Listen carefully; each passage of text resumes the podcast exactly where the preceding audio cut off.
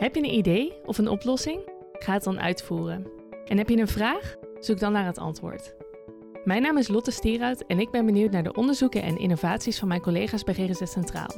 Omdat er hier veel gebeurt om problemen in de GGZ op te lossen of vernieuwingen door te voeren, daarover bestaat geen twijfel. Genoeg vragen voor mij dus om aan mijn collega's te stellen. En wat hun wetenschappelijke onderzoeken en innovatieve projecten inhouden? Dat hoor je in deze podcastserie. Een uh, online podcastopname dit keer. Ik uh, ga vandaag in gesprek met GZ-psycholoog en innovatiecoördinator Sanne Hendricks. En uh, die werkt helemaal vanuit Aruba. We gaan het vandaag hebben over EMDR VR. Dat is een toepassing van virtual reality bij traumatherapie. Maar allereerst natuurlijk welkom Sanne in, in onze podcast. Dankjewel. En ja, leuk, leuk om een aflevering met je op te nemen zo op afstand. Je werkt vanuit Aruba. Hoe, hoe is het daar? Is het lekker warm? Ja, het is hartstikke warm. En ik, zit hier dan wel gewoon in mijn ge-aircode kamertje. Uh, maar het is nu uh, half acht. Jij hebt volgens mij net je lunch op. En uh, dit is mijn eerste actie van vandaag. Dus. Oh joh, oh, dat is echt best wel een tijdsverschil uiteindelijk. Mm En dus uh, ook geen last van de Nederlandse winter? Nee, klopt. Nee. Die is, die is hier net begonnen, dus je hebt het goed voor elkaar wat dat betreft. Ja, precies. Hey, en je werkt als GZ-psycholoog en innovatiecoördinator. Kun je daar misschien nog kort iets over vertellen? Ja, ik werk als uh, GZ-psycholoog op de polypersoonlijkheidsstoornissen in Amersfoort. Uh, dat heb ik uh, twee jaar uh, fysiek op de poly gedaan en, en nu twee jaar helemaal online. En daarnaast ben ik ook in die tijd dat ik online ben gaan werken, um, ben ik aangesloten bij het netwerk Innovatie en Digitale Zorg als coördinator voor de regio Eemland. En nou, het doel daarvan is dat we verschillende innovaties en ook de digitale zorg eigenlijk uh, versterken binnen, binnen de verschillende afdelingen die GGZ Centraal heeft. Wat gaaf dat je die dingen dan uh, zo echt kon voortzetten, ondanks dat je naar uh, Aruba verhuisde. Ja, ja, eigenlijk, ik moet eigenlijk zeggen dat het veel gemakkelijker ging online. Ineens bleek de afstand ja, via Teams veel makkelijker te overbruggen dan als je daar zo fysiek zit op de poli en bezig bent met de uh, ja, uh, alle dingen van die dag en de collega's om je heen op de poli. En dan blijf je daar ook een beetje. En nu uh, is het veel meer verbreid, zeg maar. Hey, en we gaan het vandaag dus hebben over EMDR Virtual Reality. Misschien wel goed om eerst even uit te leggen aan de luisteraars wat EMDR-therapie eigenlijk precies inhoudt. Ja, hoe ik het echt in heel kort cliënten vertel, is, is dat je door middel van EMDR eigenlijk de, de emotionele lading bij een traumatische herinnering laat afnemen. Het hele idee is dat je door middel van uh, allerlei werkgeheugenbelastende taken die je la iemand laat doen terwijl die die emotionele lading zeg maar ervaart op dat moment doet afnemen. En wat zijn dan werkgeheugenbelastende taken? Uh, het, het starten vooral eigenlijk met oogbewegingen. Dus uh, in, in, een, in de kamer uh, laat je iemand uh, je, je vingers volgen. En in de virtual reality bril is dat een balletje die over het scherm heen en weer beweegt. En ook zeg maar bij um, EMDR remote, dus op de computer of online, is dat ook een balletje. En je kan daar allerlei dingen aan toevoegen als geluidjes en rekensommen en verschillende kleuren van het balletje. Want de innovatie waar we het dan nu over hebben is dus virtual reality die die werkgeheugenbelastende taken overneemt? Ja. Of is ja. dat uh, te kort door de bocht? Ja, nee, dat is wel min of meer het geval. Eigenlijk in die bril wordt het hele protocol dus afgespeeld.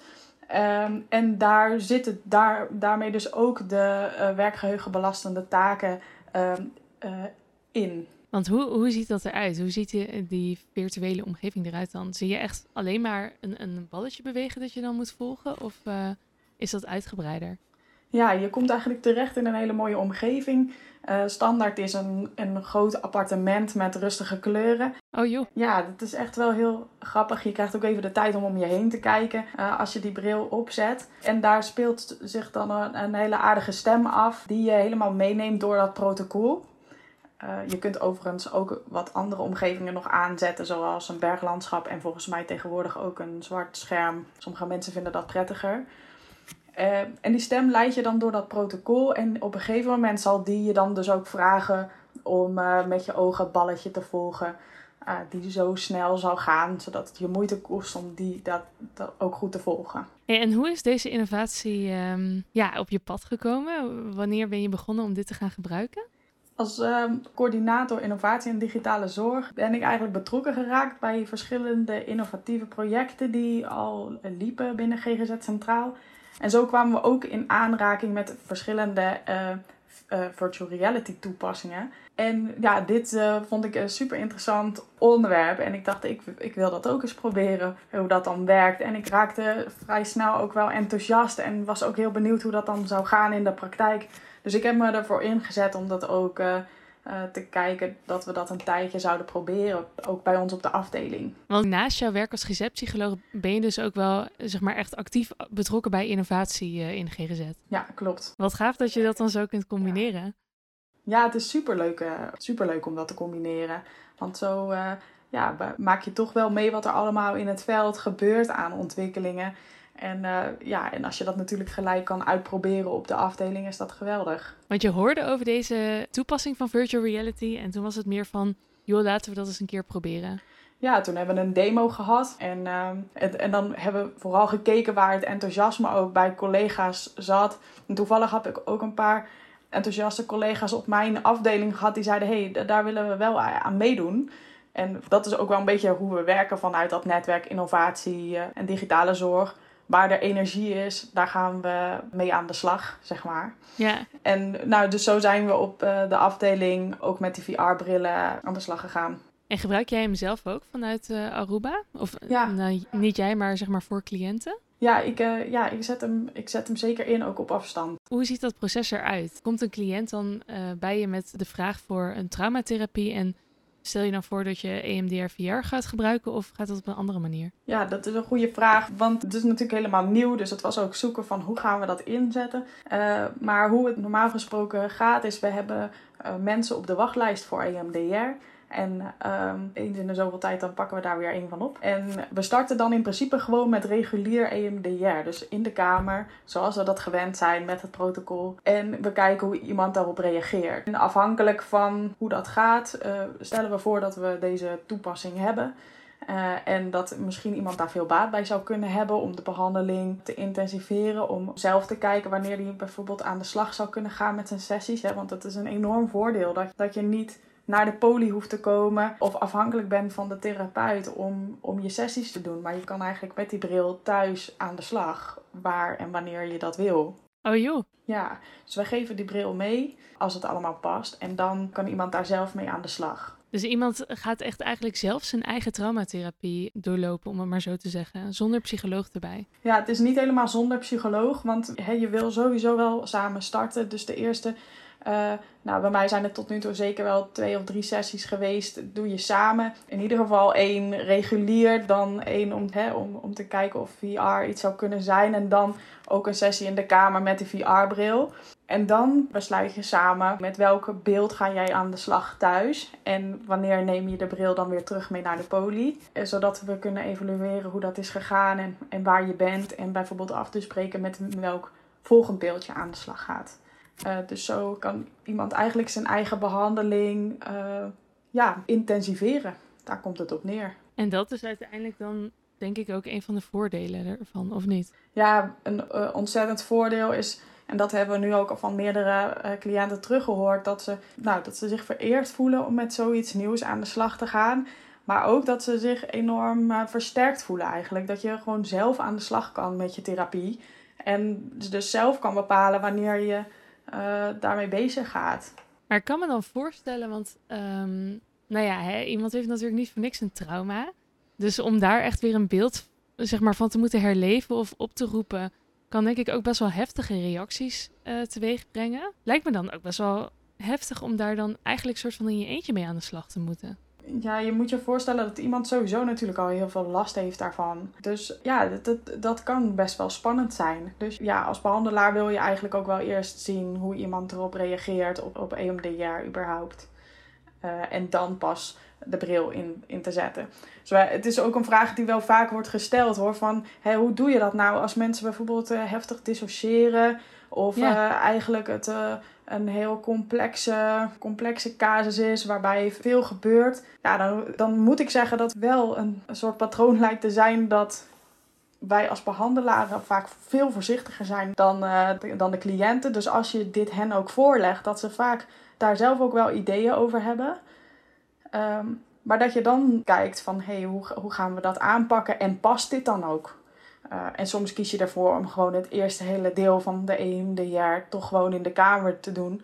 En bijvoorbeeld in het stadium van de behandeling pas die VR-bril in te zetten. Maar er zijn dus ook wel cliënten die zeggen: nee, ik kan dit wel aan, uh, laten we maar gewoon proberen. Ja, zeker. Terwijl jij ja. als behandelaar dan denkt: mm, ik weet Ja, niet of dit handig is. Ja, of ik vind het spannend. Ja, Want voor een cliënt zijn er dus ook wel echt duidelijke voordelen. ja dus het enorme voordeel is dat je dus zelf kan bepalen wanneer je aan de slag daarmee gaat. En dat je dus uh, uh, niet, niet daarvoor specifiek naar de poli hoeft te komen. Maar en je zei dus zeg maar dat je de VR-bril uh, ook echt met mensen mee naar huis geeft? Klopt. Ja, dat hebben we ook wel echt voor gekozen om daar niet te veel aan vast te hangen. Dat het ook laagdrempelig is voor mensen om de bril mee naar huis te kunnen nemen. En ja, tot nu toe gaat dat eigenlijk vrijwel altijd goed. Uh, en uh, ja, wat ik net al zei, is dat mensen zich vaak toch uh, ook wel vereerd voelen dat ze met zoiets aan de slag kunnen. En dus daar ook voorzichtig mee omgaan en ze weer terug meenemen op, op, op afspraak. Het is uiteindelijk in, in, belang van hun eigen behandeling. Dus dat, ja, dat, is, dat gaat best leuk. En hoeveel sessies doet iemand dan ongeveer thuis um, voordat hij jou weer terugziet in de behandelkamer?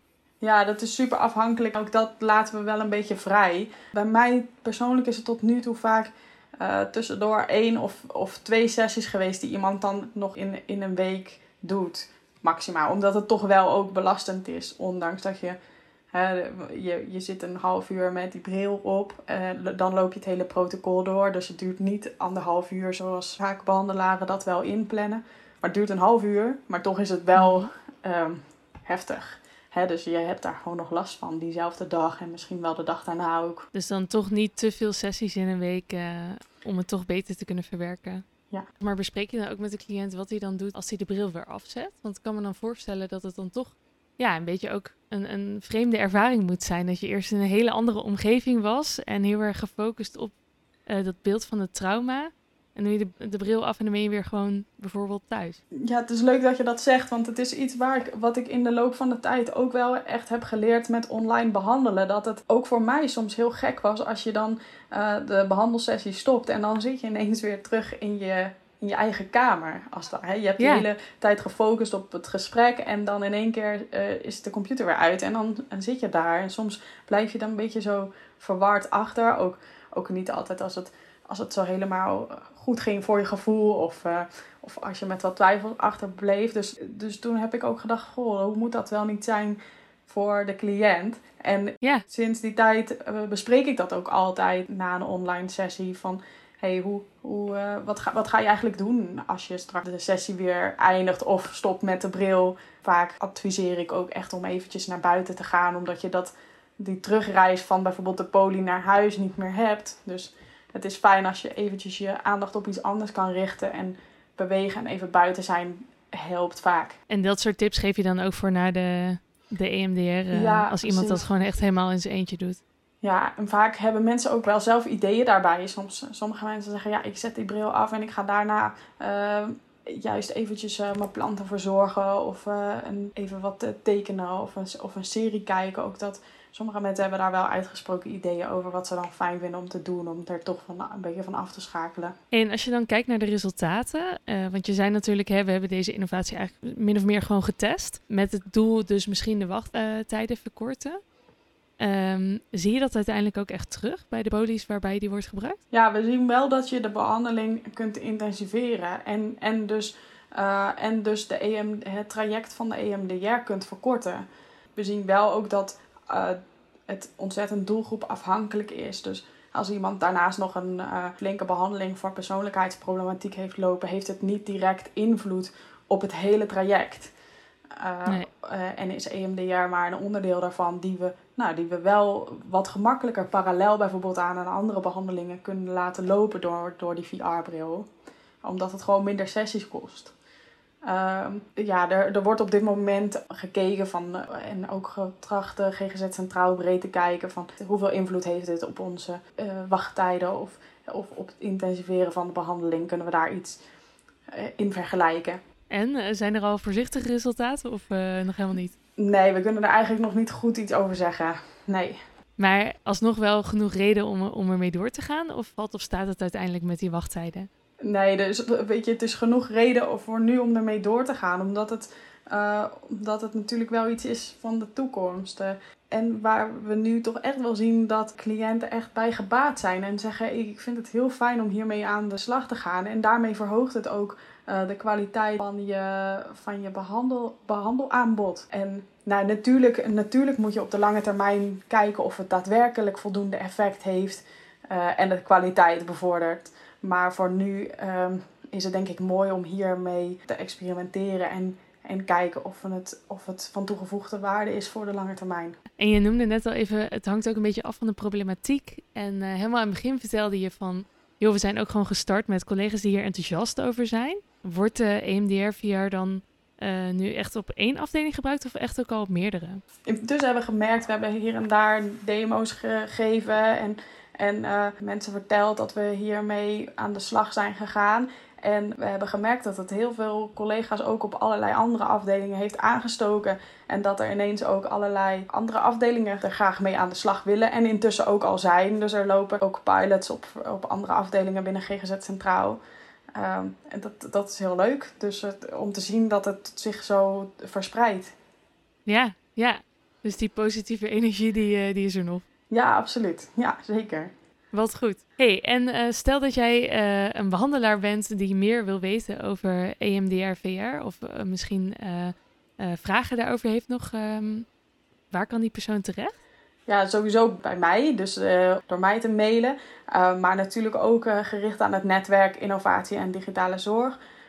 als het goed is, heeft elke uh, afdeling een ambassadeur. Dus elke, uh, elk team een ambassadeur innovatie en digitale zorg. Dus dat is ook een mooie ingang om, om uh, in contact te komen met het netwerk. En die ambassadeurs die weten weer de coördinatoren te vinden.